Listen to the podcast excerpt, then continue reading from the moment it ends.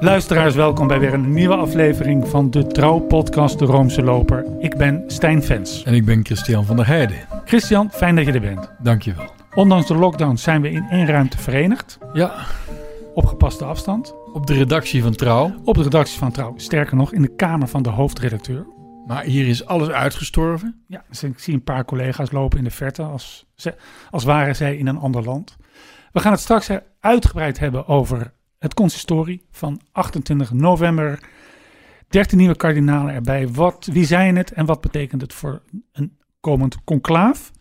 Maar eerst wil je iets vertellen over een bezoek dat jij onlangs hebt afgelegd. Ja. Maar dan moet ik even dat goed inleiden. En dan wil ik eigenlijk beginnen met iets te vertellen over wat er gebeurde op 22 november 1720. En dat gaat over een Italiaanse man, Francesco Paolo Danei. En die heeft een nieuwe congregatie gesticht op dat moment, de Passionisten. Is onlangs is het derde eeuwfeest van deze congregatie van de Passie, dus beter bekend als de Passionisten, eh, ingeluid, ook door Paus Franciscus. En die Passionisten, die kennen wij voornamelijk, hè, dus als we spreken over Rome, van de Heilige Trap. Ik ken de passionisten van Karel Hoeben. Ja, van Münstergeleen. Ja, Ja, dat was ook een passionist, ja. heilig. Heilige, een Nederlandse heilige Ja. inderdaad. Maar als we in Rome zijn, dan komen we ze vooral tegen bij de Heilige Trap. Daar hebben ze een klooster. Zij beheren ook dit eh, reliek. Een vreemd reliek, hè, de Heilige Trap. Scala Sancta. Daar zou Christus overheen zijn gelopen toen hij werd geleid naar het Praetorium Ja, het meest, het meest vreemde in is dat, Jeruzalem. dat die trap ooit, zo gaat het verhaal, in Rome terechtgekomen is. Er zijn eigenlijk twee versies. Enerzijds zou die naar Rome zijn gebracht door keizerin Helena, de moeder van keizer Constantijn, die een sch- schip had gecharterd en allerlei relieken uit het Heilige Land heeft gehaald. Of, dat is de andere mogelijkheid, de trap zou er door engelen zijn gekomen die die trap gewoon hebben vervoerd als ware een verhuisbedrijf. Ik vind de laatste optie toch het meest aantrekkelijk. En eh, het is een bijzonder reliek. Je moet hem op de, op de knieën beklimmen, hè? En dan, Zo hoort het eigenlijk ja, wel. Ja, En ik was er onlangs nog en ik zag daar ook weer wat paters lopen en ik leidde daar iemand rond. En altijd als ik dat dan doe, is heel stom, maar dan spreek ik altijd over Harry Mulisch. hey. Nou, de kenners van het oeuvre van Harry Mulisch weten natuurlijk meteen waarom ik dat dan doe. In zijn boek De Ontdekking van de Hemel. Daar vindt de hoofdpersoon Quinten. Is dat de hoofdpersoon eigenlijk? De zoon van Onno. Wel, nou, in ieder geval is het wel een protagonist, een van de. Die ondervindt dat dat een plek is waar misschien wel de twee stenen tafelen van Mozes zich bevinden. Want daar zou zich eh, het heilige der heiligen bevinden. Hij komt er op een plek en dan staat er in het Latijn: Non est in toto sanctior orbe locus. In geen enkele plek op de wereld is, is, een, is er iets heiligers dan deze plek. En hier eh, heeft Harry Mulisch een, eigenlijk een vertaalfout gemaakt, want hij heeft het daar over het Sancta Sanctorum. Maar het heilige der heiligen is natuurlijk Sanctum Sanctorum. Dus beter vertaald zou het zijn de Sancta Sanctorum, de heilige dingen onder vele andere heilige dingen. En waarom? Daar waren heel veel relieken aanwezig in die oude pauselijke kapel. Enfin, dat is een heel verhaal. Harry Mulisch, die kwam door mijn gedachten, omdat ik op zijn werkkamer ben geweest afgelopen vrijdag. Hoe vind je dat? Hoe heb je dat voor elkaar gekregen? Nou, ik zat me stierlijk te vervelen. dat zou ik ook doen. En deze coronatijd eh, mis ik toch wel de gezelligheid eh, in de kroeg, weet je wel. Een beetje slap ouwe hoeren. Je bent een man van de wereld. Dat kan allemaal niet meer. Nee. En in één keer krijg ik een appje van iemand. En, en dat is een, eh, een, een dichter, Daan Doesborg. En die maakt op dit moment de Moelish Tapes. Een podcast, de Moelish Tapes. Zeer aan te bevelen. Prachtige podcast. En die wordt echt gemaakt door de werkkamer van Harry Mulisch aan de Leidse Kade. En dat met twee andere professionals uit de literaire wereld, redelijk jong nog, dertigers, voor ons is dat heel jong, hebben zij dus bandjes gevonden en daar maken ze een heel verhaal over. En ze nodigen daar allerlei mensen uit, Mulisch, experts, ook vrienden van Mulisch. En daar wordt Mulisch verhaal nog eens een keer helemaal verteld. Dus je snapt wel dat ik daar eh, eh, lekker heb kunnen rondneuzen. We zaten daar te borrelen. Moet je nagaan op de werkkamer van Harry Mulisch. Met dat prachtige rode tapijt. En ik heb zelfs dat etuietje gezien waar een rozenkrans in zit, met totus tuus erop. Dat heeft hij gekregen van paus Johannes Paulus II. De foto van zijn audiëntie bij de paus was ook zichtbaar. Je was eigenlijk in het heilige der heiligen. Ja, inderdaad, ja. En ik snuffelde rond en dan zie je ja, boeken waarvan je eh, al, al zegt... ja, dat moet een van de bronnen zijn geweest voor, voor zijn, zijn, eh, zijn vele verhalen. En daar trof ik iets aan, dat had ik totaal niet verwacht... dat ik dat bij hem zou aantreffen. Namelijk een prent van niemand minder dan Sint Catharina van Alexandrië.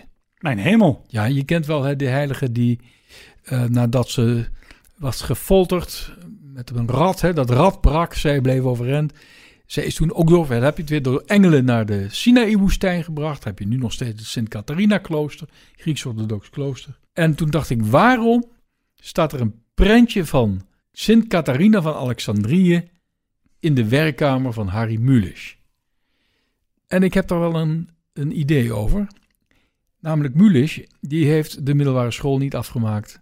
Hij heeft ook niet gestudeerd. Marcel van Dam noemt dat, heeft niet doorgeleerd. maar hij wist wel heel veel. Hè. Hij had het eigenlijk, hij had geen tijd om naar school te gaan, omdat hij moest studeren. Ja. Het was een autodidact. Nou, Catharina van Ale- Alexandrië was ook een autodidact. Zij kende het werk van Plato uit haar hoofd. En ze was geleerder dan alle gevestigde wijsgeren van Alexandrië. Ik denk dat hij iets herkent van dit meisje die te midden van al die filosofen eigenlijk ze allemaal rechts inhaalt. Ik vond het, ik vond het heel bijzonder dat ik dat daar heb aangetroffen. Ik heb daar ook natuurlijk die, die prachtige prent aangetroffen van de obelisk bij het Lateraans Paleis en zo. Dat komt ook voor in de ontdekking van de hemel. Afijn, het was een, het was een eh, echt een tractatie en mijn week was weer goed. Wat een prachtig verhaal. Je kent wel dat rode tapijt, hè? Ja. Waar de zon op scheen, was helemaal wit. Ja. Dat was helemaal, de, het rood daarvan was weggesleten. En nou ga ik een bruggetje maken, want ik heb het over de kleur rood. Ja. Aha, is goeie, hè? Zaterdag 28 november, Christian. Dat is een bijzondere dag. Mm. Dan creëert de paus in Rome 13 kardinalen. Ik zou bijna zeggen, alle 13 goed.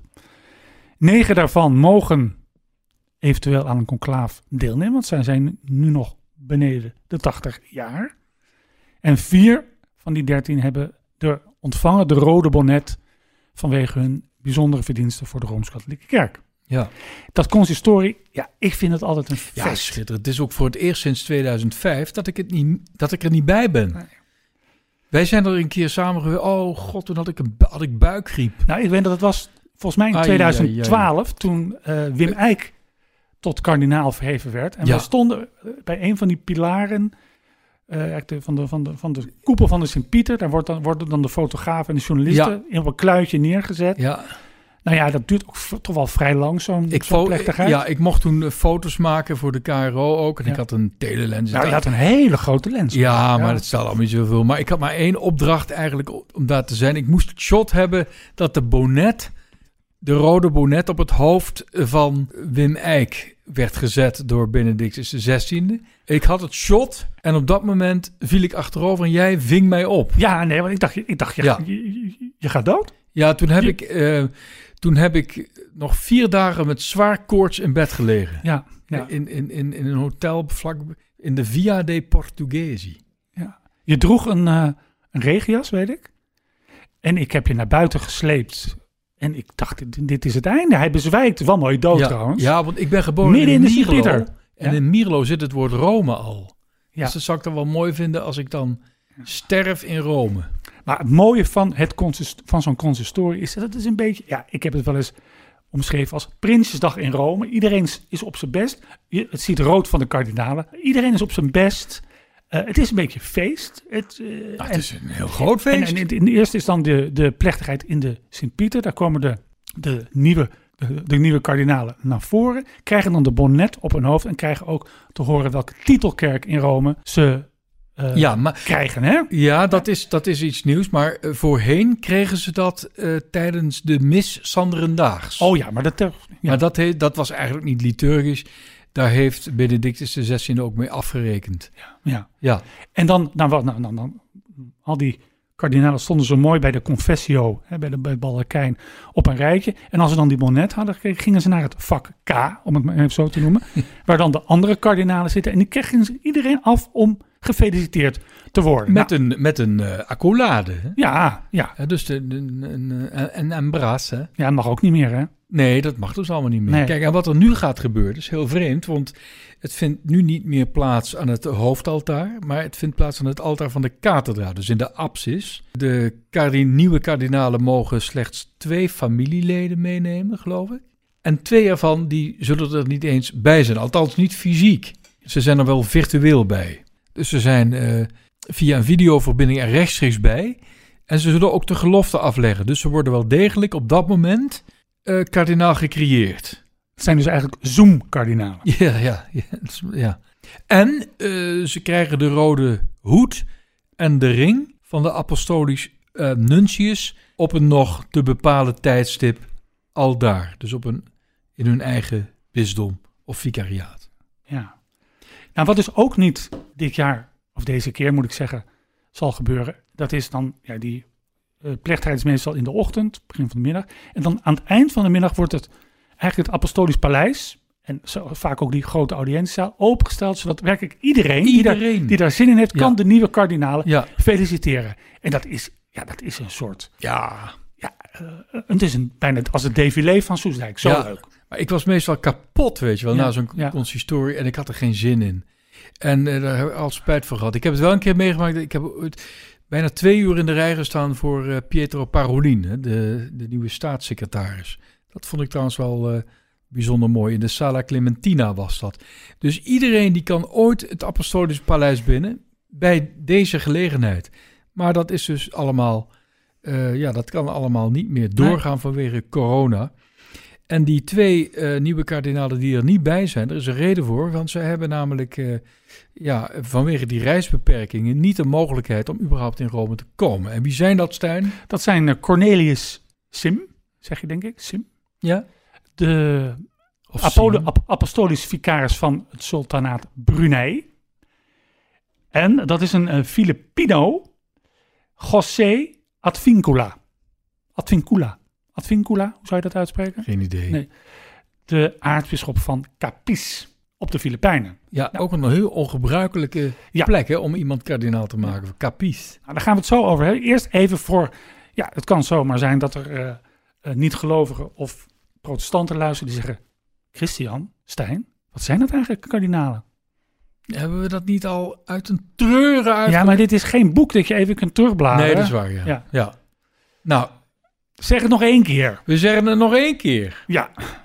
Cardinalis, Ja? dat is een bijvoeglijk naamwoord. Dat hoort bij het Latijnse woord cardo.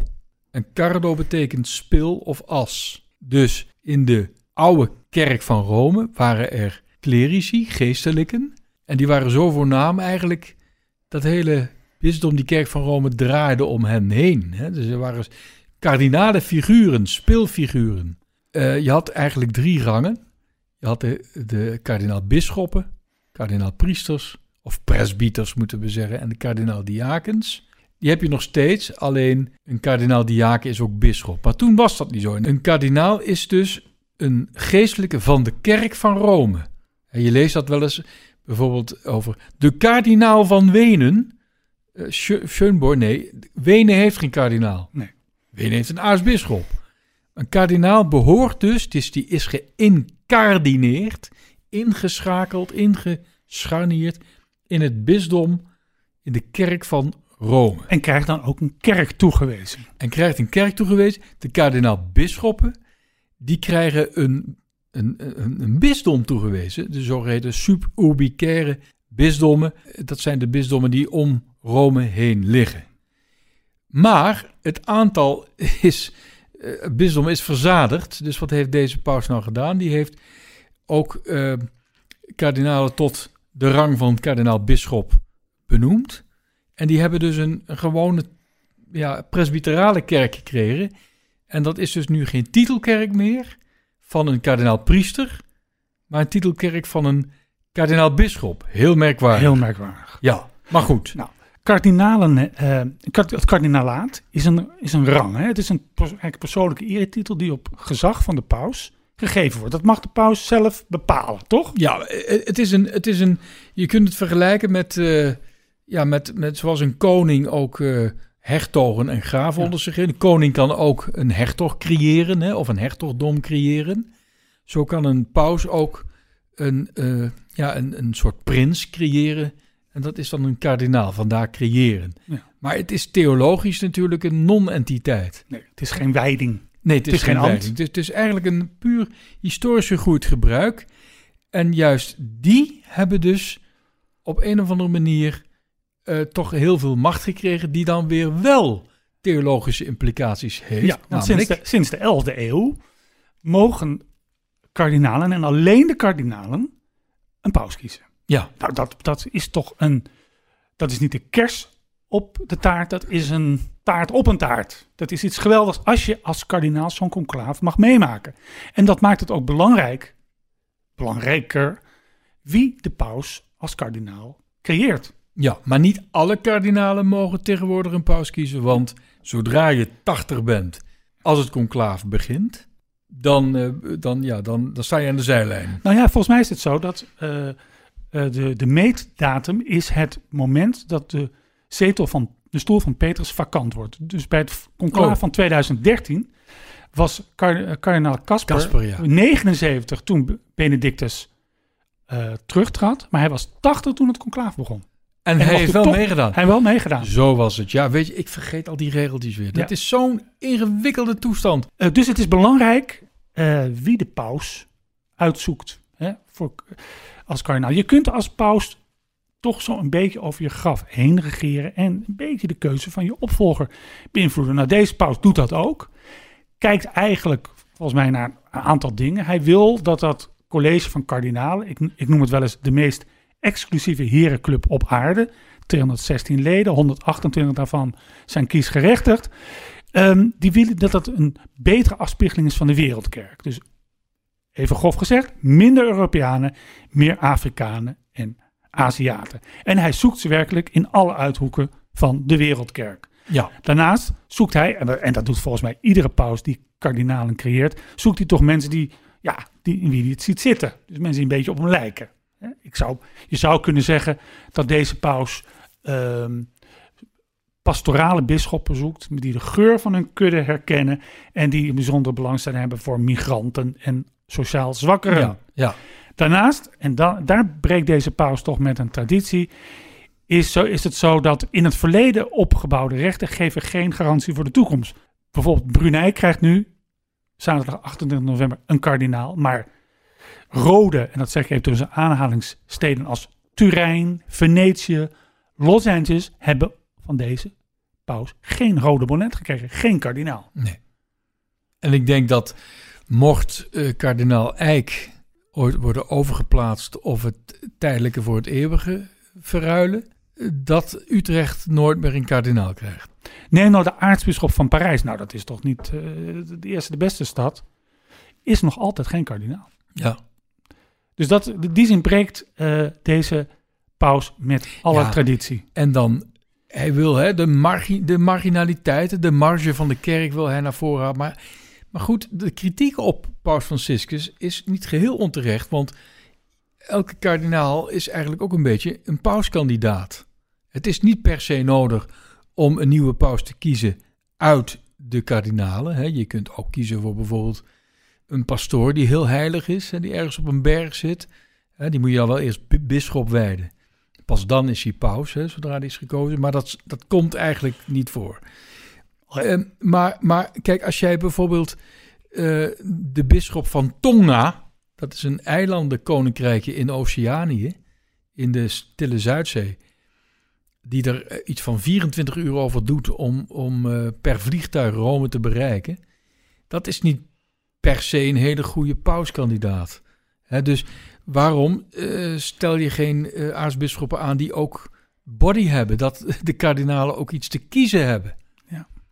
Zullen we eh, toch even naar die lijst gaan kijken? Ja, Hè? interessant. Van eh, de nieuwe kardinalen, alle dertien goed.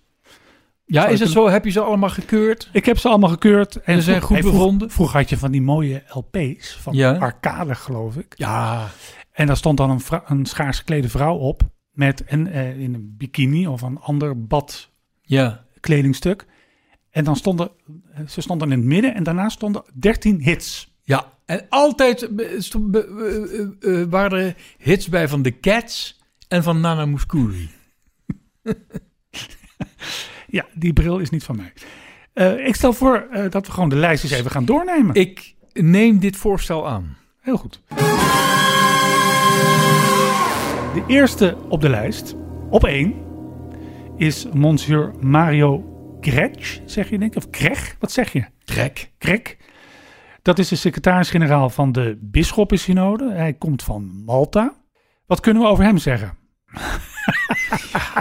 Niet zoveel, hè? Een beste man. En Hij heel begaafd. Heel begaafd. Heel begaafd. Ja, kijk, weet je, dit is een, dit is een curieprelaat. Hè, want de bisschoppensynode is een permanent orgaan. Die organiseren dus assemblees. En zo dus, dus ehm, Paus Franciscus wil de synodaliteit, eh, dat bisschoppen bij elkaar eigenlijk de kerk besturen, wil hij benadrukken.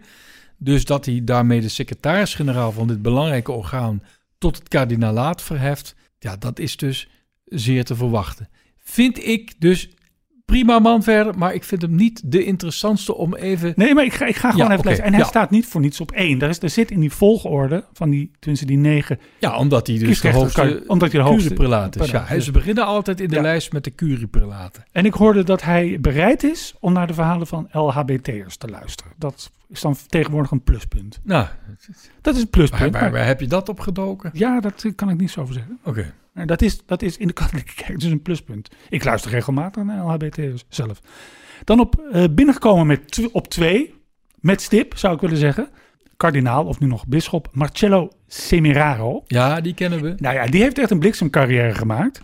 Want die was eh, half oktober nog gewoon bisschop van Albano. Nou, gewoon, gewoon. Nou ja, Het is een soep ubicair bisdom. ja mooi bisdom trouwens. Waar- meer. ja, ja. Kijk, en hij kwam heel erg in beeld. Weet je nog, toen Benedictus XVI aftrad, Ja, toen is hij dus gaan wonen in Castel Gandolfo. In één keer kwam, kwam toen eh, de bisschop van eh, Albano in beeld, omdat Castel Gandolfo valt onder Albano. ja. En Franciscus heeft hem toen leren kennen. Ja. En, En- hem benoemd tot secretaris van de kardinalenraad. ja, die, die, die de paus adviseert over de reorganisatie van het eh pauselijk bestuursapparaat. Ja. Ja, en trouwens over Castel Gandolfo gesproken, dat eh, prachtige buitenverblijf. Ik was er laatst nog. Het is nu een museum. Benedictus is laatst nog een halve dag terug geweest in Castel Gandolfo met de rollator. En toen is de bisschop van Albano, Semeraro, ook nog even gekomen. Maar goed, hij was dus nu bisschop van Albano half oktober. Maar toen werd hij door de paus gevraagd op zijn 72e om Betjou, kardinaal Betjou, hè, die eh, weg moest vanwege allerlei eh, beschuldigingen van corruptie, op te volgen als prefect van een congregatie voor de heiligverklaringen. Toen zij, schijnt Semeraro tegen de paus gezegd hebben, heilige vader, ik ben 72, eh, ik, ik ga bijna met pensioen. De paus schijnt toen geantwoord te hebben, ja, ik kreeg op mijn 76ste ook een andere baan. Namelijk paus. Ja. Nou, 15 oktober hoge curiefunctie. En ik geloof dat hij tien dagen later hoorde dat hij kardinaal zou worden. Nou, dat eh, gaat lekker hard. De volgende. De volgende. Dan komen we aan bij eh, ook een hele interessante nieuwe kardinaal. Antoine Kambanda, aartsbisschop van Kigali in Rwanda. Met een eh, nogal dramatisch, nou nogal dramatisch, zeer dramatisch levensverhaal. Ja, hij mocht doorleren als jonge priester in Rome. Hij ging naar het, naar het Alfonsianum in Rome. Van 1993 tot 1999 was hij daar. Nou, dat is precies in die periode dat daar de genocide plaatsvond. En zijn beide ouders en zes van zijn familieleden zijn toen afgeslacht. En jij zit in Rome. En je familie wordt met zo'n met zo'n hakmes eh, doodgehakt. Dat is dat afschuwelijk. Ja. En je kunt niet zeggen van, mijn ouders zijn in moeilijkheden, ik moet even naar huis. Nee, want dan ga jij er ook aan. Dus je bent machteloos en je bent machteloos in Rome. Dat is toch, dat is echt verschrikkelijk. Dus deze man heeft veel meegemaakt, dus die, die heeft geleerd om een kruis te dragen. En kan eigenlijk al niet meer kapot daardoor in de ogen van Franciscus. Hij is volgens mij een moraaltheoloog. Als iemand weet wat, hoe moeilijk verzoening werkelijk is, eh, dan weet hij dat wel. Hij is eerst bisschop geweest van een uh, kleiner bisdom in het oosten. Is later naar Kigali overgeplaatst. Ik heb een interview met hem gezien op de Rwandese televisie. Daar kijk ik regelmatig naar, naar de Rwandese televisie. Ja, dat zit ook in mijn pakket. Ja, dat zit ook ja. bij Ziggo zit het in mijn uh, pakket. Nou, hele, hele goede man. Maar de interviewer die, die was bijna, lag bijna op de grond van nederigheid... dat hij uh, twee vragen mocht stellen aan uh, de nieuwe kardinaal. En dan denk ik, jongen, kijk eens naar Sven Kokkelman... hoe die zo'n kardinaal zou interviewen. We gaan verder. Wilton Gregory, kom yes. uit ja. aartsbisschop van Washington. En als je Washington zegt, dan zeg je tegenwoordig bijna Theodore McGarrick. Nou, maar dat is, dat is, dat is wel... Er zijn opvolger. Er zijn opvolger. Er zat, nog, er zat nog iemand tussen. Hij, moet, hij is daar natuurlijk bezig uh, brokken aan elkaar te lijmen. Want dat is natuurlijk mm. een verschrikkelijk schandaal. Die hele die McGarrick heeft bijna alle goodwill die die Amerikaanse bisschop, bisschop hadden opgebouwd. Na de grote misbruikcrisis uh, volkomen weer uh, vernietigd. De vraag is of dat de reden is dat de paus hem de rode bonnet heeft verleend. Nog niet. Nou ja, gaat, gaat, gaat, gaat, gaat gunt, moet je dat kunnen zeggen? En gunt hem die rode bonnet nu nog. Vergund. Ja, hij is ook de eerste zwarte kardinaal uit de Amerikaanse kerkgeschiedenis. En uh, wordt, je bedoelt dat hij de... Hij is de eerste Afro-Amerikaanse VS-burger. VS-burger die kardinaal gecreëerd wordt. Juist, ja. ja. Hij heeft veel ervaring, heeft ook uh, lange tijd voorzitter geweest van de Amerikaanse Bisschoppenconferentie. Was laatst nog in het uh, nieuws omdat hij uh, president Donald Trump ja, bekritiseerde. Hij vond het walgelijk dat hij naar te midden van al die Black Lives Matter protesten naar die kerk ging met een bijbel omhoog. Hij vond dat echt blasfemisch. En dat hij dan toen ook nog eens een keer naar het Johannes Paulus II centrum in Washington ging, dat vond hij helemaal een aanfluiting.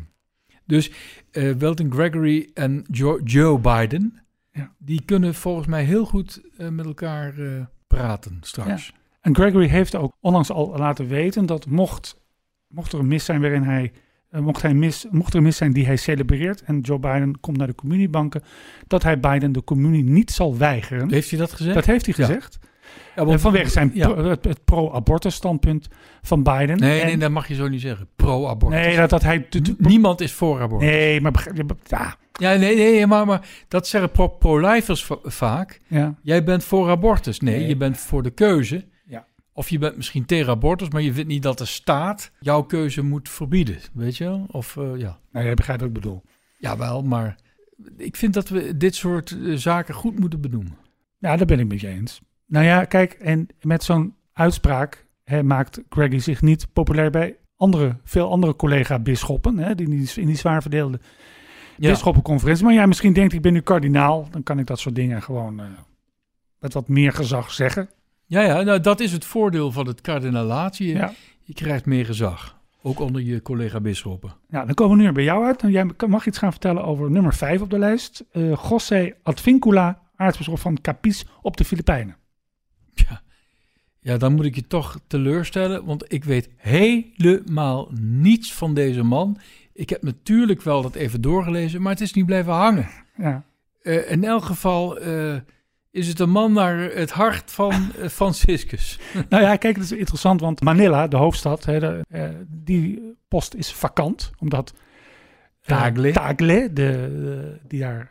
de volgende paus bedoel je? Nou ja, dat wordt gezegd dan. Volgens mij gaat hij dat niet worden. Want nee? Het is nooit één op één volgens mij. Hè. Het, is een, het is, zou, hij staat heel dicht bij deze paus. En het is volgens mij zelden voorgekomen dat iemand tot pauze gekozen worden die eh, als twee druppels water lijkt. En dan bedoel ik dus niet fysiek, maar meer ideologisch. Ja, ja.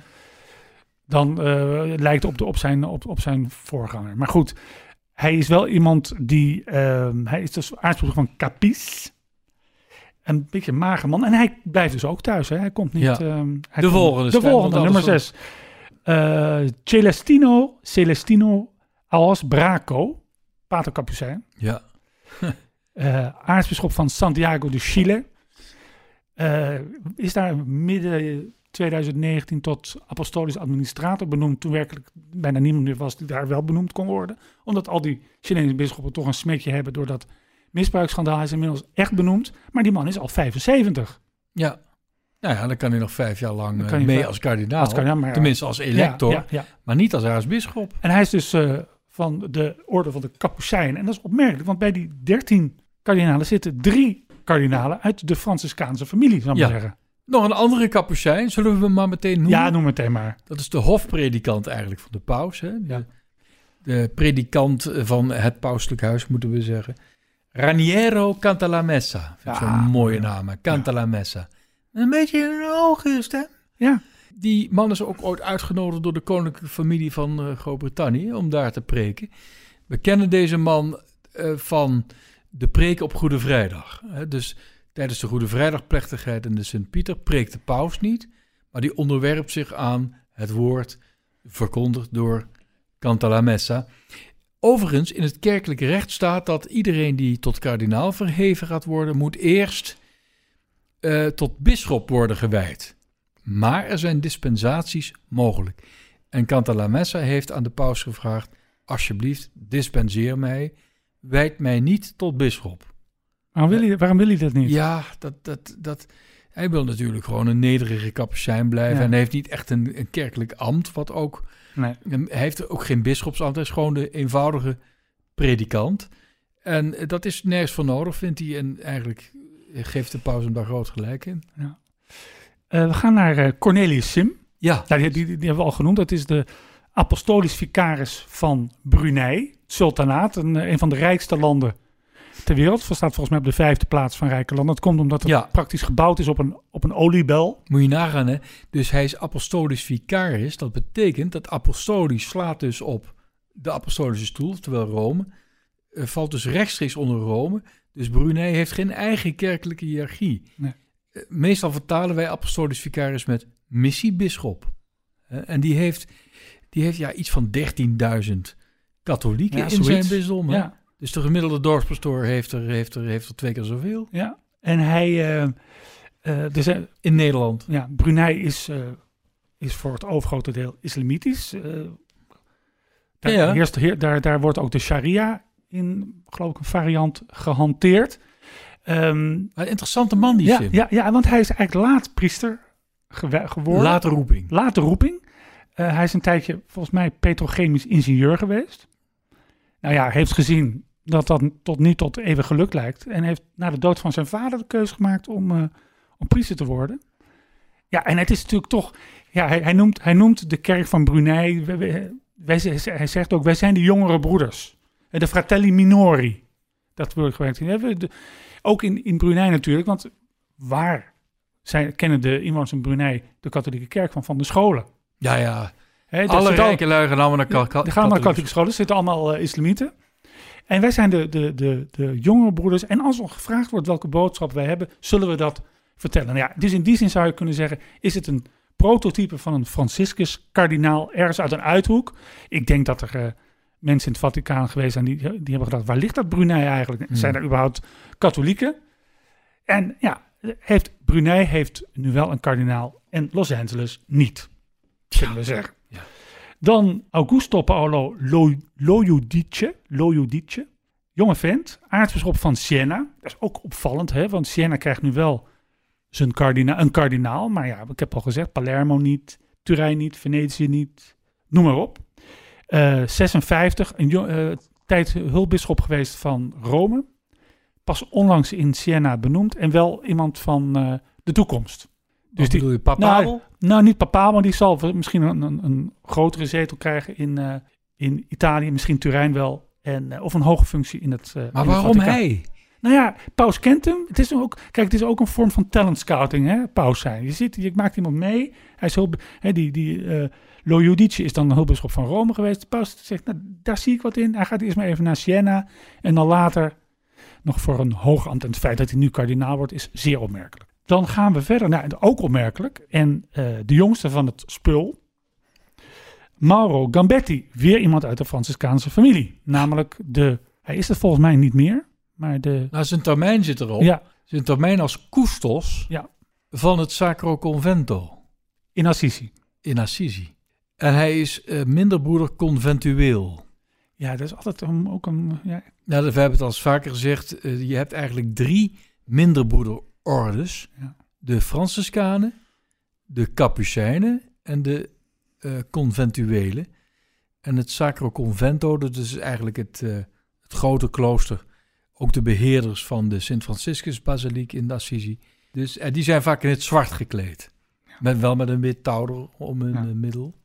Nou, hij is wel tot bisschop gewijd trouwens. Ja, hij wel. En het kan bijna niet anders of de paus heeft voor hem een, een functie in Rome Kan bijna niet anders. in gedachten. Ja. Eh, er zijn, ik geloof dat, dat, dat er tien of twaalf of nog meer prefecten of preside- van congregaties, presidenten van pauselijke raden, al dik over de 75 heen zijn. Ja. Dus er moet vers bloed bij. En wanneer is hij tot bisschop gewijd? Volgens mij 22 november. Ja. Ja. Dan gaan we, we komen bijna de laatste van de kiesgerechtigde kardinalen. Dat, is, eh, dat was dit, dat was Mauro Cambetti, dat was nummer 9.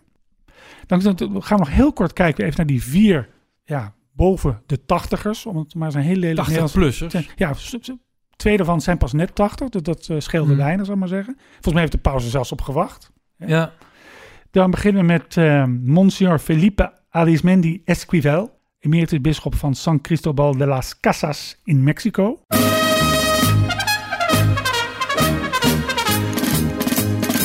Dan, eh, dat is een interessante vent, Monsignor Silvano Tomasi. Hij was pauselijk ambassadeur, apostolisch nuntius. Lange tijd ook van de vertegenwoordiging van de Heilige Stoel bij de Verenigde Naties. En hij heeft ook In Genève. is in Genève. En hij heeft iets te doen gehad met de veelbesproken Orde van Malta. Onlangs benoemd. Ja, troubleshooter. Opvolger van Betshoe. Ja, ja, ja, troubleshooter is het. En hij is, eh, heeft het ook het Amerikaans staatsburgerschap. Dus eigenlijk zijn er twee Amerikaanse kardinalen. Dan eh Cantale Messer, daar hebben we het al over gehad. Met die schitterende stemmen. Als die over... Ik vind hem een hele lelijke stem. Nou, als die Jesaja hoog. aanhaalt en dat zo Ja. door die Sint-Pieter, dat is prachtig. Zijn enthousiasme is aanstekelijk. En dan toch ook een, eh, een buitenbeentje, zou ik willen zeggen. Enrico Ferrocci, eh, pastoor van... ehm, Niet Het- en, wat zeg je? Enrico Palazzo, wat zei je nou? Nee, hij is pastoor van dat heiligdom bij Rome, Santa Maria del Divino Amore. De vraag natuurlijk, die ik al nu binnenkrijg via eh, de social media van onze luisteraars, is wat betekent dit voor een komend conclaaf? Ik zie in deze nieuwe ronde niet echt grote talenten. Dus ik ben eigenlijk vooral geïnteresseerd in nieuwe kardinalen, omdat zij potentiële pausen zijn.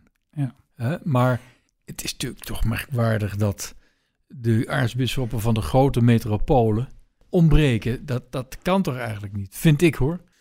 Ja, Ik dacht, toen ik die naam van die eh Semiraro voorbij zag komen, dacht ik, nou, dat kan wel eens een compromiskandidaat worden.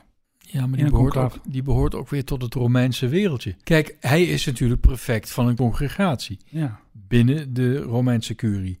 En die zijn in de regel altijd kardinaal. Nou ja, hij is natuurlijk secretaris geweest van die C9, zijn het er nog negen? Ja, dus Ja. Hij, hij kent al die gesprekken. Ja, hij kent veel mensen. Hij heeft, het, hij, hij heeft een notulen geschreven. Ja, dus, dus ja. dat kan hem een, een, eh, een, eh, voordeel geven in een eh, komend conclave. Kijk, al die kardinalen doen alsof ze er niet aan moeten denken om dat zware ambt, dat kruis te moeten dragen, hè, paus worden. Maar zouden dan toch niet zaterdagochtend even de kardinalen wakker worden en denken, nou, dit is de eerste stap. Ik- denk het niet. Nee, het is ook, het is ook nat dan, hè, om maar eens een mooie, goede Nederlandse uitdrukking te gebruiken, om daarover te speculeren. Daneels heeft er ooit wat over gezegd, over de mogelijkheid dat hij, kardinaal Daneels, Godfried Daneels, eh, dat hij, over de mogelijkheid dat hij paus zou worden. Maar dat heeft zijn kandidatuur, als die er al was, geen goed Die- gedaan. Die, die was er niet. Die was er helemaal niet. Nee joh. Nou ja, de gaan- enige die het misschien had kunnen worden, afkomstig uit de lage landen, was Johannes Willebrands. Ja, en, en het is nou toevallig dat ik zijn biografie hier naast mij heb ik liggen. zie het je vasthouden. Ja. Ja. Ik wist dat niet hoor, want dat, eh, dat je dat had. Ik heb eh, eh, ook in eh, Dagblad Trouw, je wel bekend, heb ik een interview gepubliceerd met zijn biograaf, de Een Bel Vlaming, hè? Een Vlaming. Kijk, dat is heel opvallend. In de week dat David van Rijbroek, een Ja. Vlaming, komt met zijn verhaal over de Indonesische onafhankelijkheidsstrijd, komt een andere Vlaming met een biografie van een oer-Nederlandse kardinaal. Ja. En misschien heeft dat er wel mee te maken dat onze herinnering aan Willebrands, toch even een klein uitstapje, wordt gekleurd door twee dingen. Namelijk het feit dat hij ooit kans maakte, denken wij dan, om paus te worden. Die kans was niet zo groot, zijn naam is genoemd, het verhaal gaat. Maar wij denken bij Willebrands toch aan die jaren dat hij aartsbisschop van Utrecht was. Gestuurd naar Nederland om een einde te maken aan de verdeeldheid, onder de, vooral onder de bisschoppen. Nou, dat is niet gelukt. Na, na, in 1983 ging hij weer gedesillusioneerd terug naar Rome. Terwijl in de rest van de wereld wordt deze man gezien als een grootheid in de ecumene, een topdiplomaat. Ja, eh, eh, En, en eh, met, hè, op het gebied van de betrekkingen met het Jodendom. Ja, ja. En, Zeer belangrijk. en het is, om maar even te zeggen, en dan, dan gaan we afsluiten. Het is een beetje het verhaal van krantenjongen tot miljonair. Hoe een jongen uit West-Friesland, uit een toch vrij gesloten katholiek milieu, priester wordt, gaat studeren in het verre Rome. De rechterhand wordt van de legendarische Duitse kardinaal Augustin Bea eh, als het gaat om de ecumene. Later kardinaal wordt en het kompas waarop pausen als Paulus VI en Johannes Paus II voeren als het ging om het contact met de andere christelijke kerken. Grote man die nu eindelijk de biografie heeft die hij verdient. En misschien dat nog wat meer katholieken in Nederland nu door gaan krijgen wat voor grote man dit was. Hij is nog niet eens de aartsbisschop van Utrecht geweest. Nou, de Jong kreeg nog een lange doorgaande weg. Alfrink heeft een rotonde. Hij nog niet eens een een bankje in een park. Dit was het weer.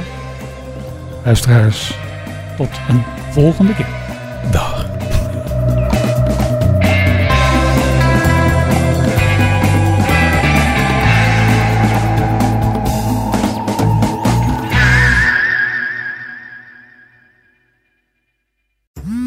Worden dagelijks overladen met overbodige informatie. En het is moeilijk de zin van de onzin te scheiden. Daarom vertrouw ik op echte journalisten in plaats van meningen. Een krantenmens heeft het gemakkelijk. Word ook een krantenmens en lees je favoriete krant nu tot al zes weken gratis. Ga snel naar krant.nl. Bezorging stopt automatisch en op deze actie zijn actievoorwaarden van toepassing.